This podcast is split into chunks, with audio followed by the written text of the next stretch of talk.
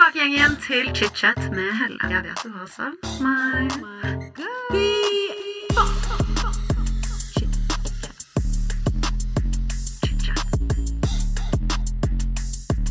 Hei alle sammen, I dag kommer da del to av episoden med Jenny Sofie. Hvis ikke du har hørt del én, så vil jeg anbefale deg å lytte til den. Den kom forrige uke. Og ja, lytt til del én før du går til del to. Det anbefaler jeg i hvert fall. I dagens episode så snakker vi om kjærlighetslivet. Jenny Sofie forteller om hvordan det er å være sammen en proffdanser fra Skal vi danse. I tillegg til at vi er innom temaer som psykisk helse, og hvordan man kan stå i forskjellige ja, vanskelige psykiske prosesser som vi alle går igjennom. Vi snakker også om planer for fremtiden, kjærlighetslivet og mye annet gøy, så det er ikke noe annet å si dere enn velkommen tilbake til chit-chat og denne del to av episoden med Jenny Sofie. Jenny Sofie, vi hopper i det. Del to. Vi fortsetter der vi slapp, yeah. med uh, av Selena Gomez i skrivepult på, på Ja. soverommet, liksom. Mm. Nydelig, nydelig. Men ja, du og Disney, yeah. det er jo Det er ganske sykt. Det Ja, jeg skal innrømme at det er ganske sykt. Kan jeg spørre, fordi du spilte inn ti episoder og var programleder? Eller det var ikke nødvendigvis ti episoder, men jeg var masse i London, for det var der innspilling foregikk. Så det var et skandinavisk konsept, Ja. men innspilling foregikk i London. Uh, så det var litt ulike konsepter. Først liksom Jeg husker ikke helt hva ting heter.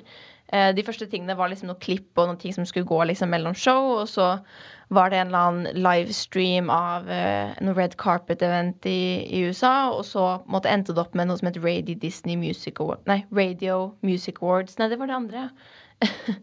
det var Radio Club, var det Okay. som jeg var en del av. Eh, og da var det meg fra Norge, og så en fra Sverige og en fra Danmark, som sammen hadde liksom et eget liksom talkshow hvor vi snakket om eh, de ulike programmene. Så Herregud, så gøy. Men jeg må jo bare spørre, betaler Disney bra? eh, Altså, jeg kan jo selvfølgelig ikke si hva de betaler, men eh, det skal sies at mange av de jobbene jeg gjør som på en måte er det kuleste jeg føler jeg har gjort, er ikke de beste betalte. Jeg får mer betalt for enkelte reklameposter, liksom. Ja. Eh, og så var jeg jo veldig ung igjen nå.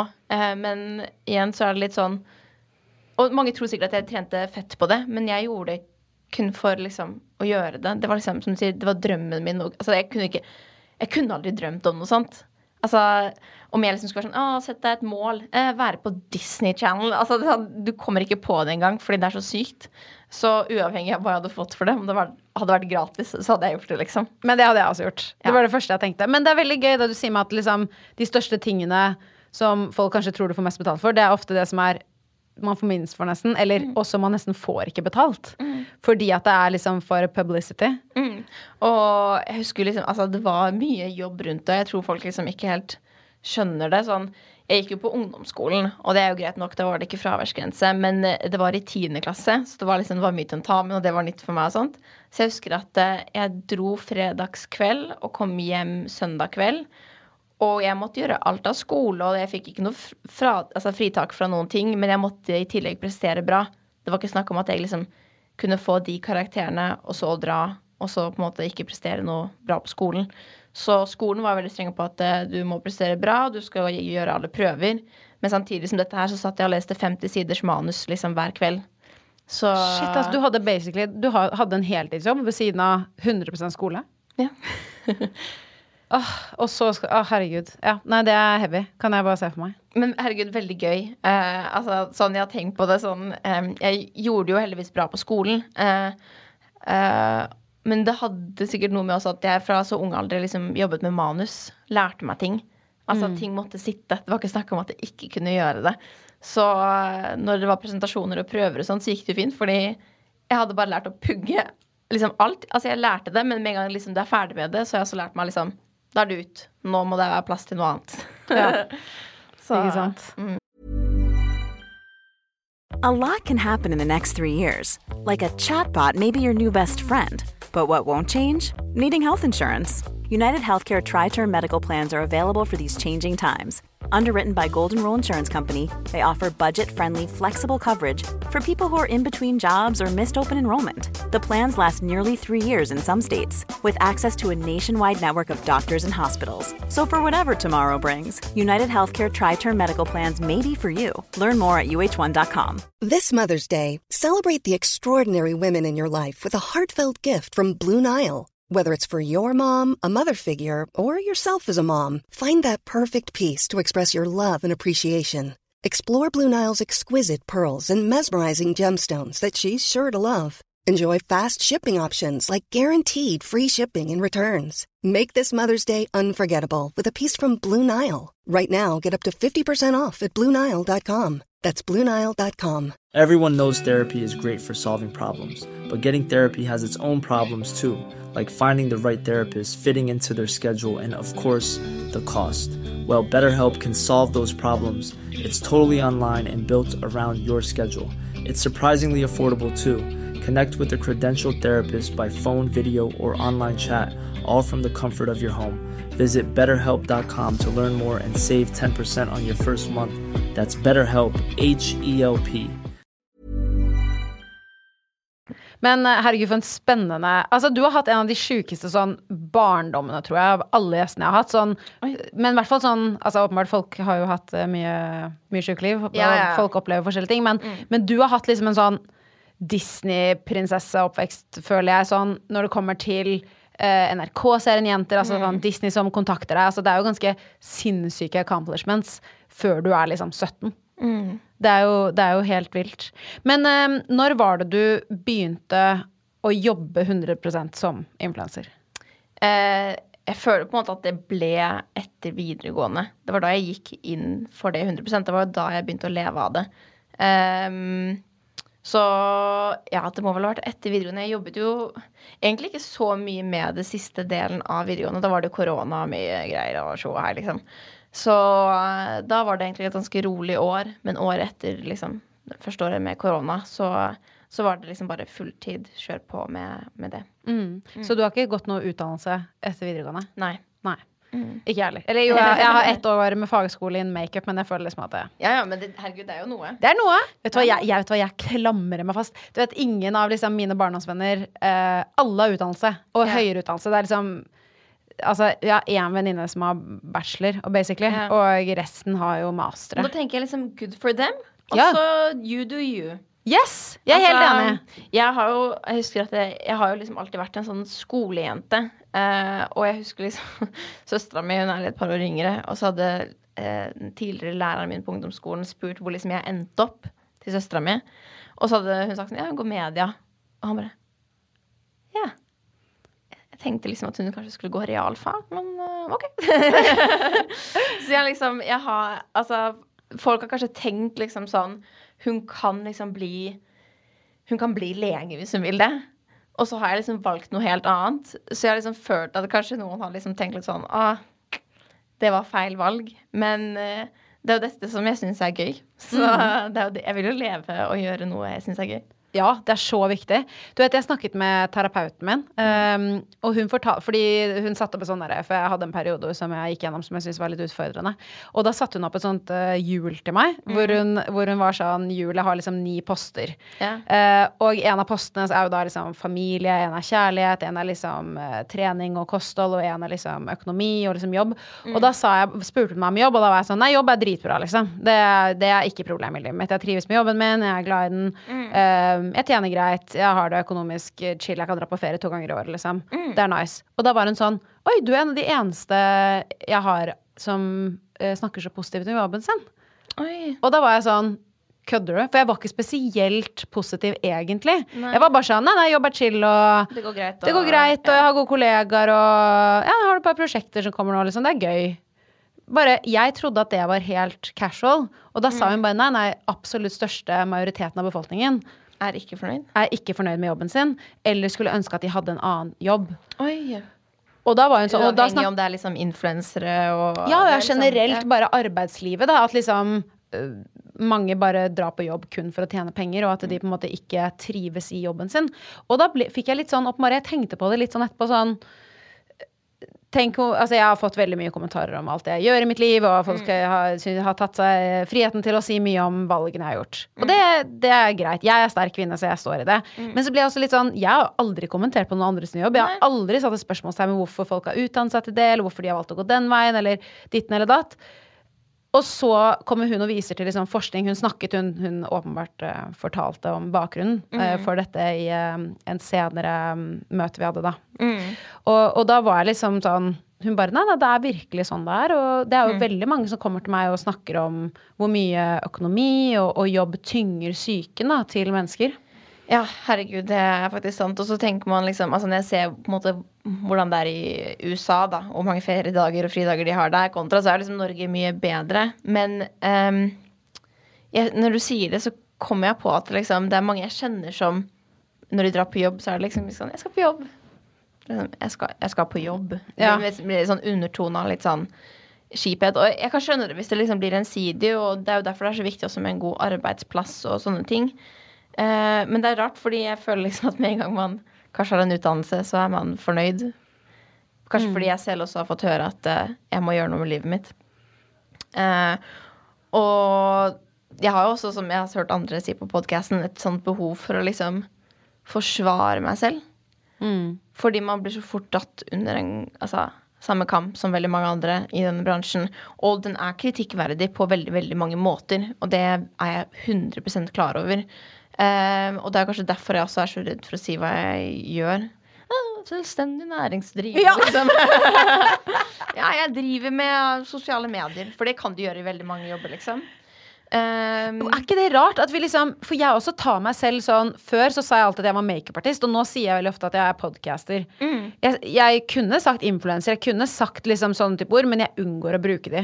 ja. Egentlig jævlig teit. Ja, men sånn, det er jo som at jeg liksom skulle altså sånn, Hvis noen spør meg at jeg velger sånn Ja, i dag Jeg har skrevet en bok, så da sier jeg forfatter til den. Ja. Og så Ja, jeg har designet klær, så da sier jeg designer til den. Og så, altså, men det går litt sånn alt inn i influenser. Og jeg tror bare at når man hører influenser, tenker man OK, du poster deg selv på nett og syns du er pen og hot og har gjort ting med kroppen og utseendet ditt, og du har dårlige verdier.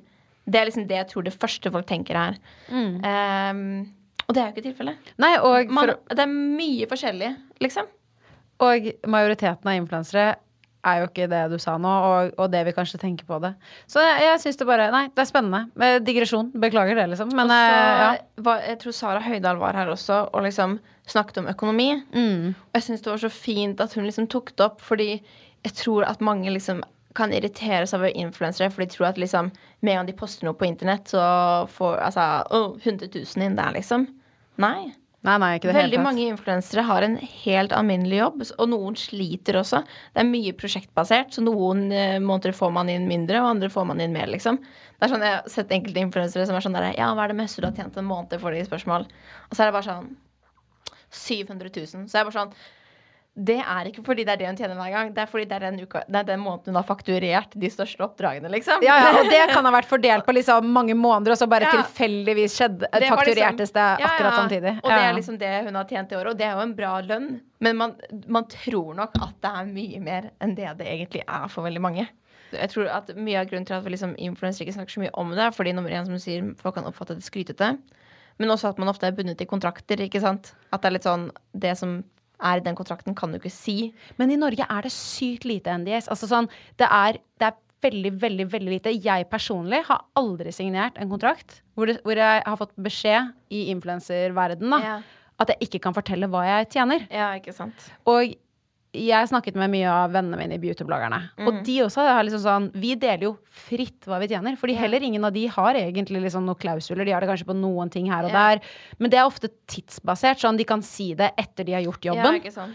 Um, og jeg bare Ja, jeg bare føler ofte at uh, man, man tror at man ikke kan si det. Ja. Men så- ja, men det er sikkert tilfellet. Ja. Og så kan man egentlig kanskje si det, men man må Ja. bare være redd for det, fordi man er redd for arbeidsgiveren sin. For man føler ofte at uh, man er heldig som uh, har fått den jobben, og man Ja. vil ikke sette arbeidsgiveren sin i kjipt lys. Men ofte så er det jo arbeidsgiveren som er veldig heldig som har fått tak i den personen Mm, til å jobbe for seg, hvis det gir mening. det er veldig sant. Herregud. Nå var det mye snakking fra meg her. I'm so sorry. Nei, I love it. Men litt sånn med tanke på sosiale medier. Ja. En person som vi ser mye på dine sosiale medier, er jo Tarjei. Ja. Ja, og det er jo kjæresten din. Mm. Altså, jeg må bare si, uh, dere virker så fine. Takk. Dere virker som en sånn positiv par. Jeg syns det er litt sånn digg å se dere. Dere liksom kødder litt, og så er dere veldig positive, og jeg liker eh, deres eh, Ja, energien dere sprer. Å, det er hyggelig. Hvis jeg kan si det på den måten. Men kan ikke du fortelle meg om hvordan dere møttes? Vi møttes eh, første koronaår. Det er liksom sånn man regner det, føler jeg. Um, og han sendte vel meg en DM på Instagram, og det var liksom etter e Han hadde da nettopp liksom fått jobb i Skal vi danse. Og det var første året han som sånn proffdanser.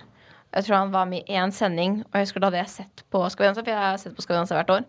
Og da hadde jeg sett han der, og så eh, går jeg alltid gjennom DMs og ser liksom om det er noen viktige ting som skjer, og svarer litt. Og så så jeg liksom at eh, jeg syns jeg hadde sett den personen på det bildet før. Og så klikket jeg inn, og så var det da en, eh, en lang melding. og eh, han spurte egentlig bare sånn kort oppsummert om eh, jeg ville ta en kaffe en dag, eller liksom gå en tur. Um, og så var jeg litt sånn Hvorfor ikke? det var så hyggelig! Ja. Og så bare gikk det derfra. Altså, greia var at han var i Skal vi danse, og da, eh, siden det var liksom første året med korona, så var det veldig strengt. Så han eh, Vi måtte holde to meter Å, herregud. hver gang vi møttes.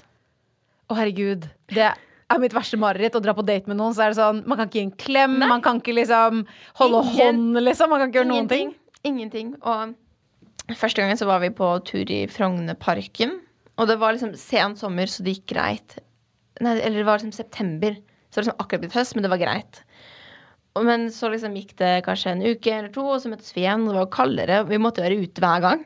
Så vi liksom, vi gikk eh, Vi spilte frisbeegolf, vi gikk turer. Vi var liksom, ja, gjorde masse ting ute hele tiden. Så Men hyggelig, da. ja, herregud, veldig hyggelig.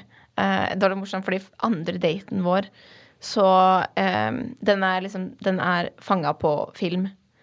Sånn Hvorfor det? Eller fordi vi var på tur og hadde spilt frisbee, og så eh, gikk vi gjennom Karl Johan, og der sto Anders Hoff, som er programleder i Skal vi danse, som kjenner Tarjei, og hadde sånn på gata-greier. Å, herregud! Å nei! Og jeg tenkte dere var akkurat i starten av sånn datingfase. Det var, det, det var andre gang vi møttes. Andre gang. Jeg tror, vi hadde, jeg tror vi bare kommuniserte også på Insta den gangen. Vi hadde liksom, jeg hadde ikke ennå gitt han liksom snap og sånt. Så vi hadde liksom bare snakket litt på Instagram, og så møttes én gang før det. Og da Ja. Nei, så vi ble tatt ut i Det var først og fremst sånn eh, musikkquiz, egentlig. Men det liksom, vi møttes, og så skulle han begynne sånn Ja, eh, hvordan kjenner dere hverandre da? Og vi var bare begge sånn Sa ingenting. Og han bare Er dere på date? Vi bare Ja. Det er vi. Herregud, Også når man er sånn i starten av datingfasen. Alt er så flaut, og man, alt er sånn Og så ja. visste jeg jo på en måte at hvis dette her programmet ble noe av, så veit jeg at det kommer til å dukke opp steder. Og fordi vi var de vi- altså, Siden han er proffdanser og jeg er den jeg er, så visste jeg liksom at det kom til å være på nett for alltid. Og, og bare tanken på at hvis det der ikke hadde funka, hvor kleint det hadde vært. Å, herregud. Det, det er jo litt sant. Tenk hvis det var den daten, og så ble det airet sånn tre uker etterpå, Ja. og hvis dere ikke da fortsatt datet. Altså, herregud, det hadde vært eh, ja. Den ser jeg. Men kunne du noen gang tenkt deg å være med i Skal vi danse? Um, altså Ja, for så vidt. Liksom. Det har ikke vært så mye jeg har tenkt på. Um, og så har jeg jo blitt spurt veldig mye etter at jeg ble sammen med han. Eh, og selvfølgelig, jeg syns jo reality virker gøy, men jeg har ikke gjort noe særlig av det. Nå var jeg jo nettopp på innspilling av Forræder, og det er liksom det første reality-programmet jeg har gjort. Så jeg har tenkt sånn Jeg må kjenne litt på hvordan det er før jeg liksom begir meg ut på veldig mye annet. Ehm, men for så vidt er jeg positiv. Det er, altså, men det er også til flere reality-programmer. Men jeg er jo en som liker å utfordre meg selv og, og, og prøve nye ting. Uh, og jeg og Tarjei danser ikke sammen. Aldri? Nei? Jeg tror veldig mange tror det. At jeg liksom er god på å danse. Eh, men tenk deg liksom at kjæresten din, som du har møtt i voksen alder, har danset siden han var seks år. Han er proff på høyt nivå. Og så kommer du, som aldri har danset, og skal liksom virke sexy foran ham. Og han liksom Altså, det de første gangene så prøvde vi prøvde et par ting, og han liksom er sånn øh, liksom, og le litt. Og så er jeg bare sånn Du kan ikke le, liksom, for da, da takler jeg det ikke. Jeg Da blir du så flau da, da at du blir jeg sånn så flau ja. at jeg aldri vil danse med deg igjen.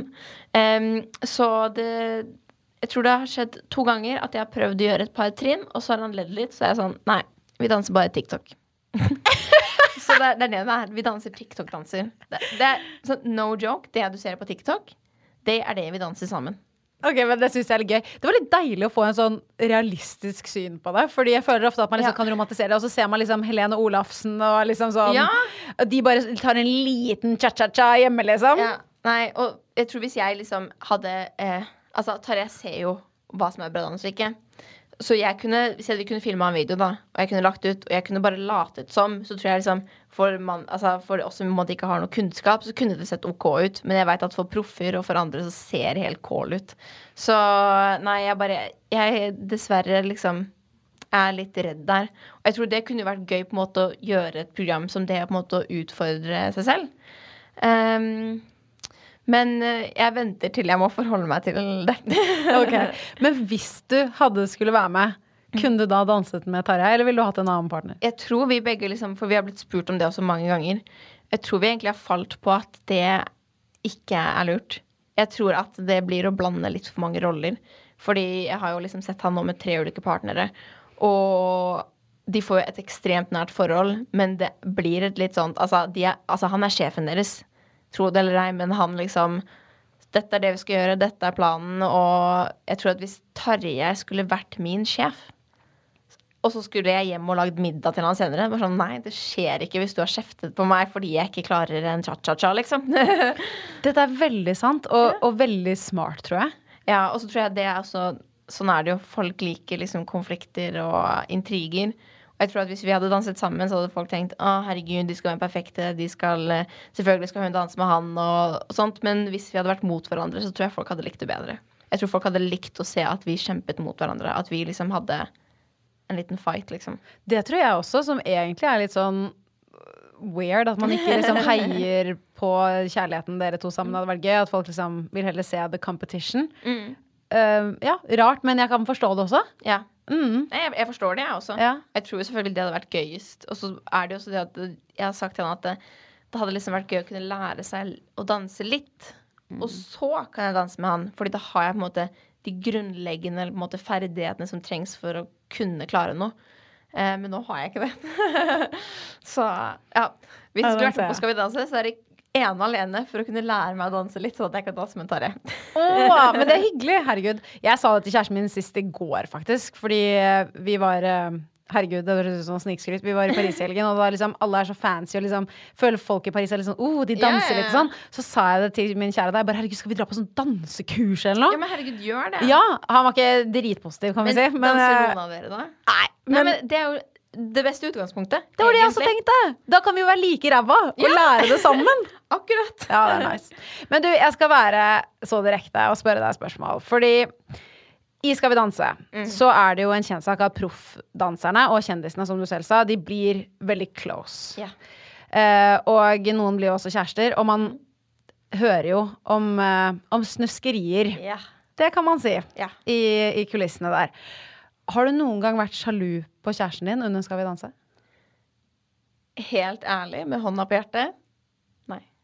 Det, det syns jeg er sterkt. Men jeg tror folk misforstår sjalusien. For jeg kan si ja, jeg har vært sjalu, men ikke på den interaksjonen de har, og det som foregår på dansegulvet. Fordi Tarjei er altså Man kan si det også med de andre proffene. De er jo proffer, de har gjort dette hele livet.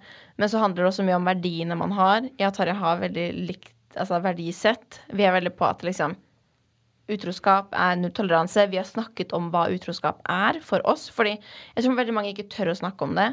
Altså, Er utroskap å ligge med noen? Er utroskap å kysse noen? Er utroskap å holde noen andre skjult for altså, kjæresten sin? Um, så vi er veldig like der. Uh, så det har på en måte aldri vært noe jeg har vært redd for. Det som man kan kanskje kjenne på, er liksom en form for sjalusi for tiden de får med kjæresten din. Fordi Tarjei blir fullbooka hele høsten, hvert eneste år.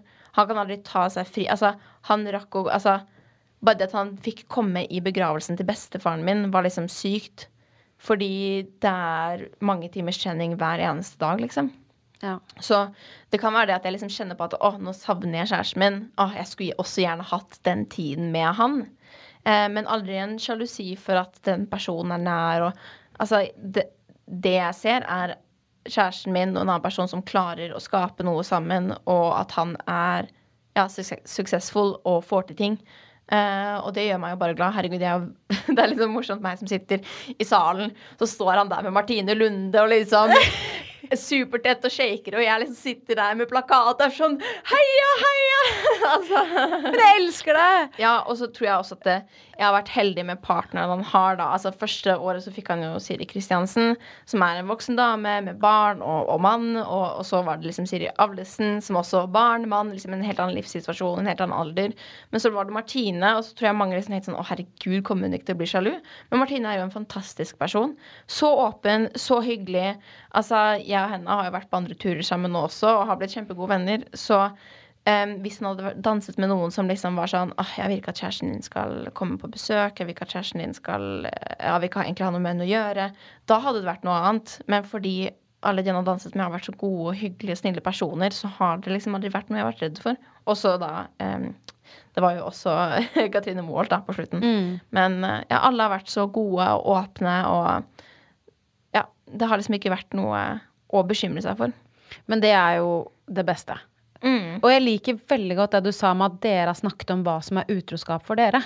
Fordi den samtalen tror jeg mange ikke har, fordi de bare tenker seg til at man tenker det samme. Ja, men også fordi man er redd for liksom, Med en gang man sier noe sånt, så kan man være redd for at den andre parten tror at eh, det er noe jeg tenker at du kan finne på å gjøre. Ja. Og da er man igjen redd for å ta opp den samtalen. Men det er ikke tilfellet. Det er liksom når du inngår Altså jeg er i hvert fall en person som er litt sånn Jeg går ikke inn i et forhold uten å tro at det er noe som kan vare. Eh, og derfor er det viktig for meg at alt på en måte Når vi går inn i det, så er vi klare over rammene vi har. Eh, og at vi har respekt for hverandre. Og det eneste måten du kan gjøre det, er å snakke sammen på. Så Nei, jeg synes det er skikkelig fint. Jeg og kjæresten min har også hatt den, den uh, samtalen. Og, og i hvert fall med sosiale medier nå, så er det så de linjene er liksom blurry. Er det greit å chatte med noen? Hvor mye kan man chatte med noen før det ikke er greit? Hva slags emojier kan man sende? Hva er ikke greit? Altså, det, er liksom, det er så mye weird. Jeg sier ikke at man skal trenge å gå så veldig veldig spesifikt, men, men jeg Vi har funnet ut at um, At det vi liksom har sagt til hverandre, er litt det der med at eh, hadde den andre kunne sett meldingen og syns at det var bare helt cool, liksom, så er det ikke et problem. Men Ja. med en gang man tenker Oi, denne her meldingen vil jeg ikke at kjæresten min skal se. Ja, da er det noe fishy. Ryan Reynolds here from Mint Mobile. With the price of just about everything going up during inflation, we thought we'd bring our prices down. So to help us, we brought in a reverse auctioneer, which is apparently a thing. Mint Mobile unlimited premium wireless. Ready to get 30, 30, bit to get 30, bit to get 20, 20, 20, bit to get 20, 20, bit to get 15, 15, 15, 15 just 15 bucks a month. So, Give it a try at mintmobile.com slash switch. $45 upfront for three months plus taxes and fees. Promo rate for new customers for limited time. Unlimited more than 40 gigabytes per month. Slows. Full terms at mintmobile.com. Everyone knows therapy is great for solving problems, but getting therapy has its own problems too, like finding the right therapist, fitting into their schedule, and of course, the cost. Well, BetterHelp can solve those problems. It's totally online and built around your schedule.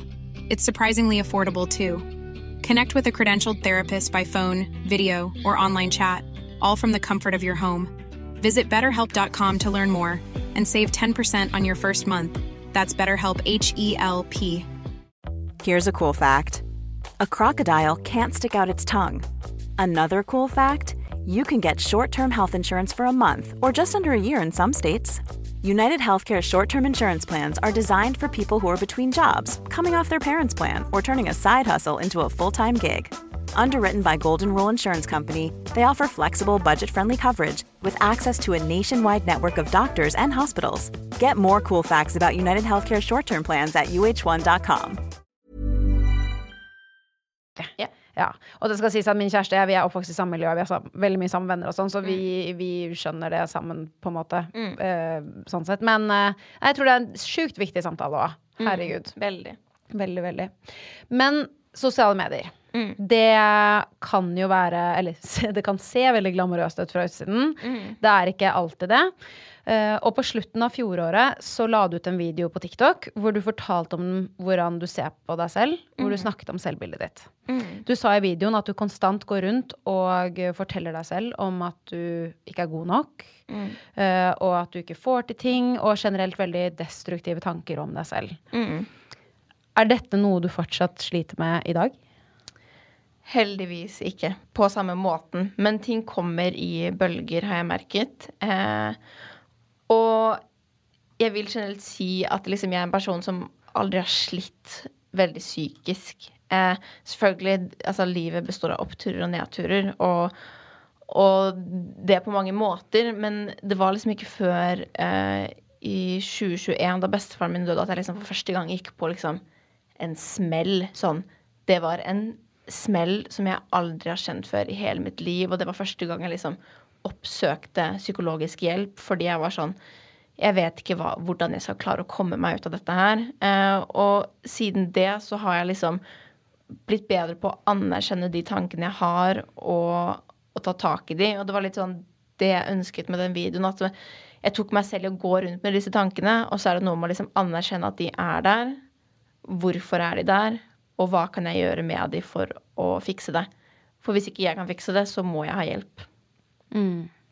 Så eh, jeg tror liksom den tiden var en kombinasjon av åh, Jeg husker ikke helt hva jeg sa, men det var liksom en kombinasjon av at det ble mørkere, eh, og at det kanskje var litt fæle kommentarer på enkelte ting, eh, og at eh, det kanskje var litt stille på jobbfronten. Det er jo liksom perioder hvor man er mye hjemme, og det å sitte hjemme i mørket alene, eh, det kan plutselig liksom ja, bare knekk deg. Eh, og jeg tror det var det som skjedde der, sakte, men sikkert. Og når jeg da kom over en TikTok av en jente som liksom tok opp dette her, så var jeg sånn Shit, det er akkurat sånn jeg tenker om meg selv nå. Eh, så ja. Nei, jeg syns bare det var en veldig fin TikTok å dele, fordi jeg tror veldig mange kan kjenne seg igjen i det. Og, og fra en person som også jobber for seg selv, da, det å sitte inne i en litt stille periode, det gainer ikke psykisk helse. Virkelig ikke. Nei.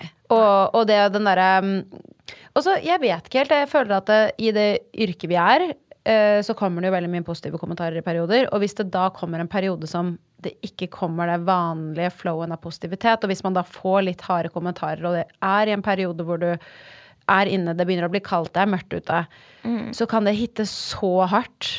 Virkelig. Uh, og det er derfor som du sier, det er så viktig å ta det opp når det skjer. Fordi jeg er litt sånn Jeg er fullt klar over at liksom Instagram og disse tingene folk kan bli liksom en illusjon av livet. Og jeg er liksom på å alltid si at det er, det er et bilde.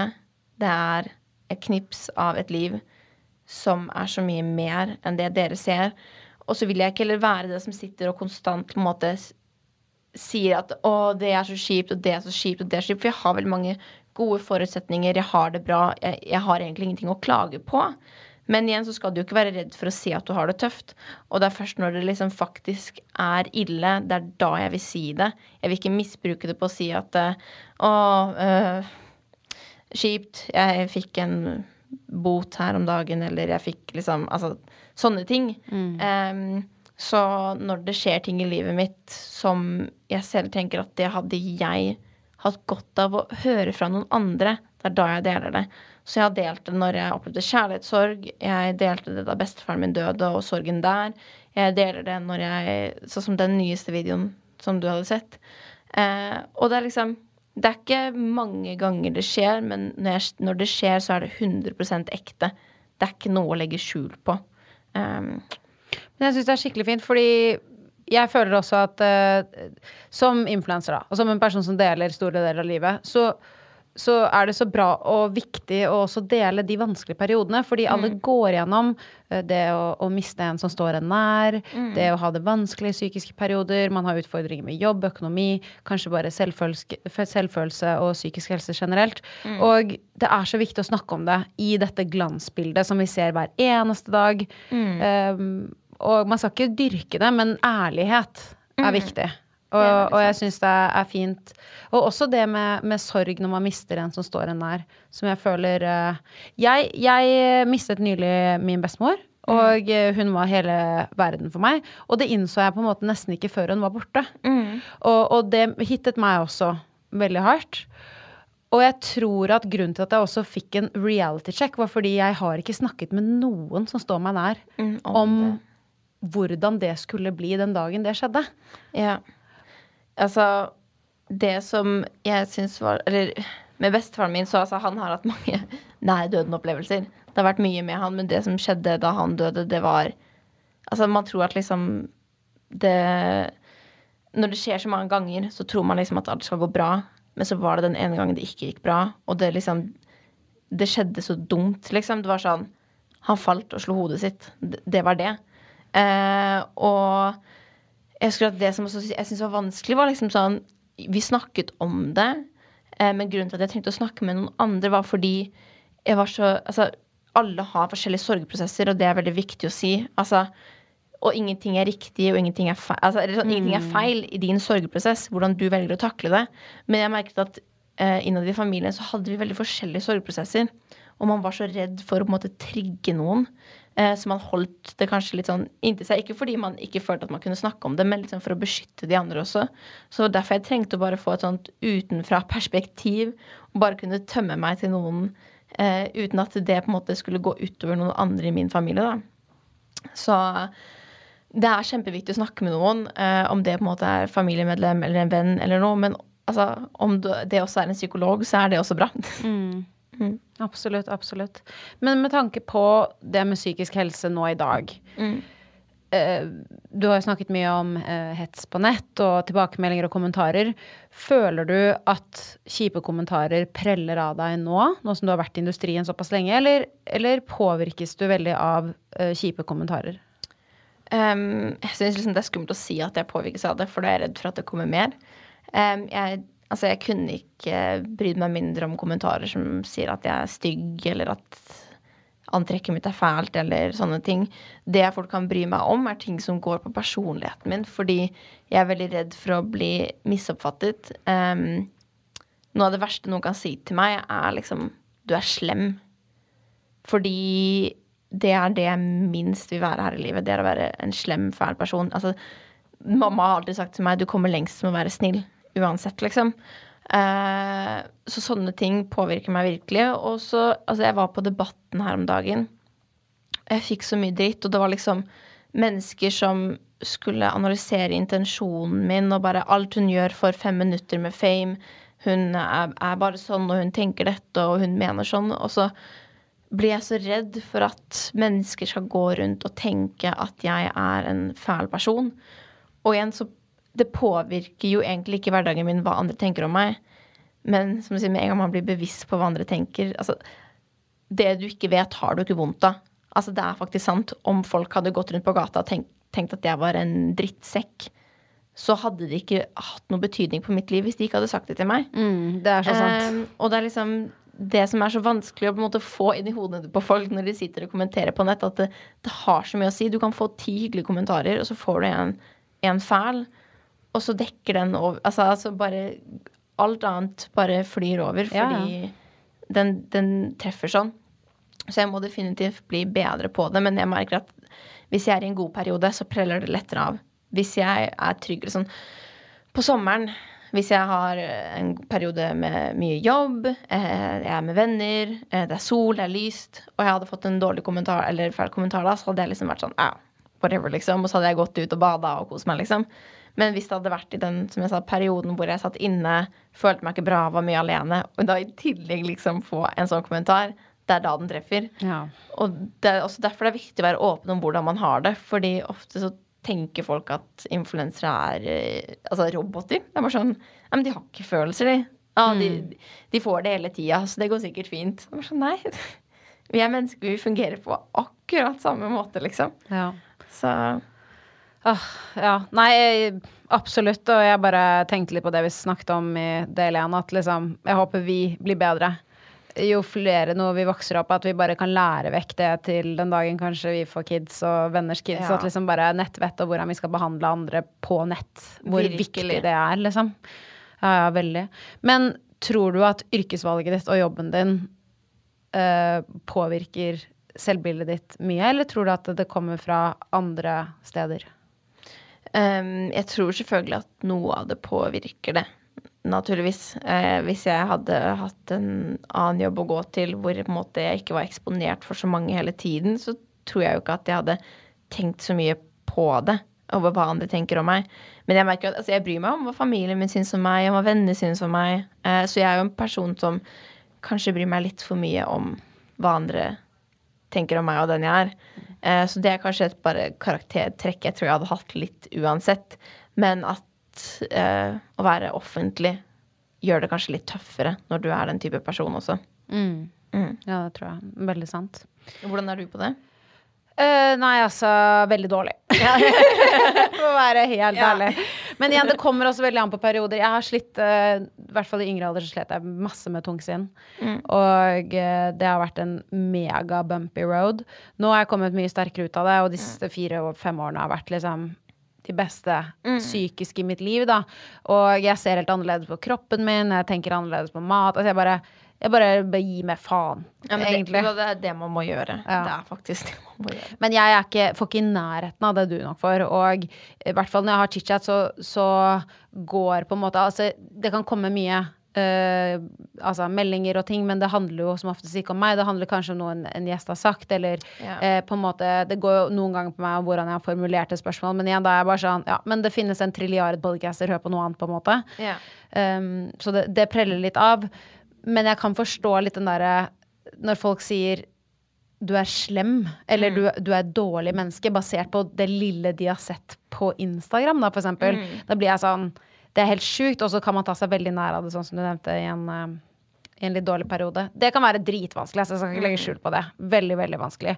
Men igjen, jeg, jeg har gode venner, og jeg har familie, og Ja. jeg føler at det, det er det som holder meg oppe. Det er så viktig. Herregud. Og jeg tror at hvis jeg ikke hadde hatt familien min, så vet jeg ikke helt hva jeg hadde gjort oppi alt det her. Fordi de forsikrer meg hver dag om at jeg er en god person. Og, og jeg tror på det innerst inne.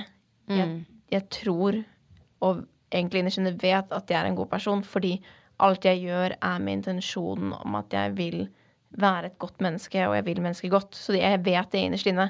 Det er vel mer den frustrasjonen over at mennesker ikke klarer liksom å se lenger enn sin egen nesetipp. Det er så mange som skal kommentere på andre, og så er de ikke liksom altså, sånn, Kan du ikke bare se på deg selv og tenke hvordan kan jeg bli et bedre menneske? Ja, altså det er mye hyklerier der ute og går. Altså, det kan Ja, jeg også men det verste men ja. er mennesker som lyver på nett. Det synes jeg Altså, det er ikke så mye i Norge på samme måte som i USA og sånn, men det er bare sånn Med en gang du skriver noe på nett, så tror folk på det. Det er ganske sjukt. Og så er jeg bare sånn Nei, det har ikke skjedd. Og fordi det også har skjedd med meg så mange ganger, så tror jeg ikke alltid på det andre som skrives om andre heller. For jeg er sånn derre Hvor har de det fra? Jodel, liksom? Nei, nei, absolutt. Det der er så viktig, ass. Og fake news og bare folk som Ja. kjeder seg og sprer rykter og, og gossip og skit, liksom. Men, men det skal sies at um, apropos det med psykisk helse og liksom sosiale medier Jeg hadde en ganske reality check for et par uker siden hvor jeg kranglet for første gang med søsteren min som et helvete.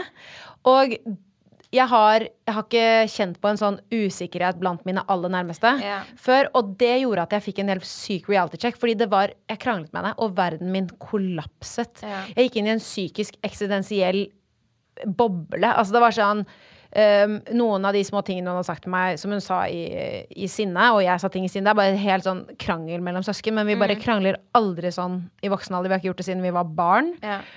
Og det fikk meg til å liksom stille spørsmål med meg selv, og da tenkte jeg liksom sånn Ok, faktisk, jeg bryr meg ikke så mye av det som står på nett. Jeg tenker på det litt, men, men når det først kom fra søsteren min, det var da det var, det var som en knyttneve i ansiktet når det kom fra noen som står meg sånn her. Ja, herregud, og det er veldig sant, og det er fint Altså sånn, med foreldre så kan de jo finne på sånn derre det, det er ikke greit, og så kan man liksom skjønne ok, ja, det var kanskje ikke greit å gjøre sånn og si sånn, eh, men det gjør jo ikke at man blir en dårligere person, men også søstera mi og jeg, vi har jo hatt våre krangler, og alltid etter at hun sier ganske fæle ting, så er hun sånn jeg sa det bare fordi jeg var sint. eh, men ja, det har mye å si, og jeg merket jo det på videregående at det var også en grunn til at jeg ble ekstremt usikker på meg selv, fordi eh, jeg følte på en måte Altså, folk visste hva som skjedde med meg, men ingen Ingen turte å forsvare meg. Ingen turte å gjøre noe med det. Og da begynte jeg å være sånn Er det fordi de tenker jeg fortjener det? Og så er det kanskje egentlig at de er redde for at det samme skal skje med dem. Helt sikkert. Og da har folk, kom, altså folk har kommet bort til meg etter videregående og sagt unnskyld fordi de ikke turte å si noe, men det var fordi de så at konsekvensen av å si ifra, det er det som skjer med deg. Ehm, så selv om det også da kommer fra de nærmeste, så er det altså selvfølgelig Vi må være mottagelige for kritikk, eh, for det kan også gjøre oss til bedre mennesker. Eh, men om du innerst inne med deg selv vet at det er ikke galt, det jeg gjorde, det, det er helt innafor og helt riktig, så må man liksom stole på seg selv. Fordi vi er mennesker, og vi har forskjellige meninger. Altså sånn, Når du tenker på liksom hvordan verden er bygd opp, så er det egentlig bare mennesker som har bestemt seg for hva er riktig og hva er galt, liksom. Absolutt. Ja, ja, ja. Og alle vet at det er ikke bra å slå, det er ikke bra å drepe. Det er ikke sånn. men så er det veldig mange sånne småting nå som man liksom er sånn Er det riktig? Er det galt? Er det, så må man liksom bare tenke sånn Men hva er riktig for meg? Even on a budget, quality is non-negotiable. That's why Quince is the place to score high-end essentials at 50 to 80% less than similar brands. Get your hands on buttery soft cashmere sweaters from just 60 bucks, Italian leather jackets, and so much more. And the best part about Quince, they exclusively partner with factories committed to safe, ethical, and responsible manufacturing. Elevate your style without the elevated price tag with Quince. Go to quince.com slash upgrade for free shipping and 365-day returns. How would you like to look five years younger? In a clinical study, people that had volume added with Juvederm Voluma XC in the cheeks perceived themselves as looking five years younger at six months after treatment. Look younger, feel like you. Add volume for lift and contour in the cheeks with Juvederm Voluma XC. Reverse signs of aging by adding volume to smooth laugh lines with Juvederm Volure XC. For important safety information and to find a licensed specialist, visit juvederm.com. That's J U V E D E R M.com. Not for people with severe allergic reactions, allergies to lidocaine, or the proteins used in Juvederm. Common side effects include injection site redness, swelling, pain, tenderness, firmness, lumps, bumps, bruising, discoloration, or itching. There's a risk of unintentional injection into a blood vessel, which can cause vision abnormalities, blindness, stroke, temporary scabs, or scarring. Talk to a licensed specialist to find out if it's right for you. This message comes from BOF sponsor eBay. You'll know real when you get it. It'll say eBay Authenticity Guarantee. And you'll feel it. Maybe it's a head turning handbag, a watch that says it all, jewelry that makes you look like the gem, or sneakers and streetwear so fresh every step feels fly. eBay gets it. So look for the blue check mark next to that thing you love and be confident that every inch, stitch, sole, and logo is checked by experts. With eBay Authenticity Guarantee, you can trust that feeling of real is always in reach. Ensure your next purchase is the real deal. Visit eBay.com for terms. Nei, det er viktig, altså. Å, å stå litt i seg selv. Og jeg kan, komme, jeg kan tenke veldig mye over det sånn når man skal poste ting på sosiale medier, så, så kan jeg liksom noen ganger få en sånn persona som ikke er helt meg selv. Men da må jeg bare ta et skritt tilbake og være sånn jeg føler dette er riktig, og det, det er meg, og da må jeg, jeg bare gjøre dette. Ja. Fordi sånn er jeg, liksom. Gi litt mer faen. Ja. Og jeg må virkelig ta meg selv i det ofte, og bare sånn reality check. Hva tenker jeg, da? Og Ja. Istedenfor å bry meg hele tiden om hva andre syns, og tiptoe rundt, liksom. Eh, og jeg tror det er viktig å også dele sin egen mening. Og jeg tror kanskje kvinner har blitt flinkere til det Ja. uh, de siste årene. Jeg merker at liksom, jeg snakket mye med mormoren min før hun gikk bort, og, og hun fortalte meg mye om liksom deres kvinnekamp var jo veldig annerledes enn vår, og, og hun fortalte meg om at de har gått liksom i tog for abort, og liksom Ja. virkelig stått i bresjen for at jeg kan ha den uh, stemmen som jeg har nå, og du og masse andre kvinner. Og uh, bare Det er viktig å speak your mind, på en måte. Det er tenker jeg er bare så, så viktig. Og så er det også viktig å si at sånn, når vi sitter og snakker her, så liksom, blir vi veldig opphengt i på en måte de tøffe tingene. Men så skal det jo sies at liksom Nå så får jeg 99% mindre hat enn det jeg gjorde i begynnelsen. Det er utelukkende positivt. Og de gangene jeg stikker huet mitt frem, så er det kanskje et par mannfolk Ja. som sier at jeg kan gå tilbake på kjøkkenet, liksom. Eh, men Jeg klarer ikke å ikke le, det er så useriøst. men sånn overall så er det eh, positivt og veldig mye positivt fra kvinner. Ja. Eh, så det har jo endret seg veldig mye fra at det, liksom, det var bare småjenter som skrev dritt til meg, mens nå er det bare egentlig utelukkende positivt. Det så vi må liksom ikke glemme de som faktisk følger med og lytter. Og heier. Og heier, Ja. fordi de er så viktige for at altså, Hvis jeg ikke gang, altså, Si at jeg hadde fått et par drittkommentarer og ellers ikke noen særlig respons, så hadde jeg vært litt sånn Hvorfor gjør jeg det? Men her om dagen så var det en jente som eh, stoppet meg. Jeg var venta på T-banen. Og så, jo eldre jeg har blitt, altså, så har jeg merket at færre og færre tør å komme bort. Eh, og det er jo naturlig fordi man har blitt voksen selv og tenker kanskje at det er teit. Men hun kom bort, og hun bare 'Herregud, jeg så, jeg så nettopp på en YouTube-video fordi jeg trengte tips om noe greier.' 'Og så er du her, og det er så hyggelig å møte deg. Kan jeg ta et bilde?' Jeg var sånn å, det her trengte jeg nå! Og det det trengte jeg så inderlig. Eh, og vi sto og snakket og hadde en liten samtale før vi liksom gikk på hver vår trikk. Eh, men det var så hyggelig. Og jeg tror vi må liksom bli bedre på å si til folk når vi liker det de gjør, for jeg merker at jeg kan bli litt sånn ah, det tør jeg ikke, liksom. Jeg er helt enig. Men nå har jeg bare begynt sånn Hvis jeg ser noen på gata som jeg syns er fin, så sier jeg det til personen. Hvis jeg etter å ha møtt noen, eh, så sier jeg til dem Vet du, du har så sykt god energi. Altså, vi må bli bedre på å snakke hverandre opp, fordi hvis folk får gode tilbakemeldinger og, og hører fine ting om seg selv, så gir det dem også kanskje motivasjon til å være den beste versjonen av seg selv, og jeg tror det kan gjøre samfunnet til et bedre sted. Altså, halleluja. Ja, Ja. ja. Jeg er helt enig. Jeg er helt, helt enig. Ja, det var skikkelig fint. Men du, avslutningsmessig så må vi også snakke litt om fremtiden. Ja. Har du noen planer eh, i fremtiden, eller noe du har lyst til å gjøre i fremtiden? Har skikkelig lyst til å oppnå, på en måte? Åh, det er liksom Man kan, som du sier, det finnes jo forskjellige på en måte s- eh, kategorier av ting. Altså sånn, Er det på jobbfronten? Er det på et mer sånn personlig nivå? Eh, og sånn personlig så håper jeg bare på at jeg kan bli enda tryggere på meg selv. Eh, og bli enda bedre på å takle eh, hat og kritikk og eh, den biten der. Og så vet jeg jo selv at liksom, jeg vet hva jeg liker å gjøre. Eh, elsket å være programleder, elsket Disney-jenter. Så jeg håper jo på en måte at det jeg gjør, kan lede meg inn i den retningen. Eh, sånn spesifikt hva det er, det vet jeg ikke. Men jeg liksom har bare merket at veien blir til litt sånn imens jeg går. Eh, Og nå har jeg vært med på noe reality. Vi får se om det blir mer av det, og hva jeg liker. Men eh, overall så syns jeg det jeg gjør, er veldig gøy. Og så håper jeg bare på at det kan åpne seg enda mer muligheter. Altså, det kommer det garantert til å gjøre. Det, det vet jeg. Men det, jeg gleder meg til å følge med. Og så må jeg bare si, Jens Fie, det har vært så hyggelig å ha deg her i G-chat. Det har vært så hyggelig å snakke. Herregud, det har vært skikkelig Det er som en therapy session. I Ja. love it. Altså, det er så nydelig. deilig å bare få tømt seg litt en gang iblant. Ja, jeg elsker det. Herregud, det var helt perfekt. Men tusen takk for at du kom i chit-chat. Takk for meg. Og til deg som har lyttet til denne episoden, hvis du likte det du hørte, så gå gjerne inn i appen og abonner på ChitChat med Helle. Da får du automatisk opp nye episoder hver eneste torsdag. Og hvis du er ekstra grei, så legger du gjerne igjen en review. Det hadde jeg satt kjempestor pris på.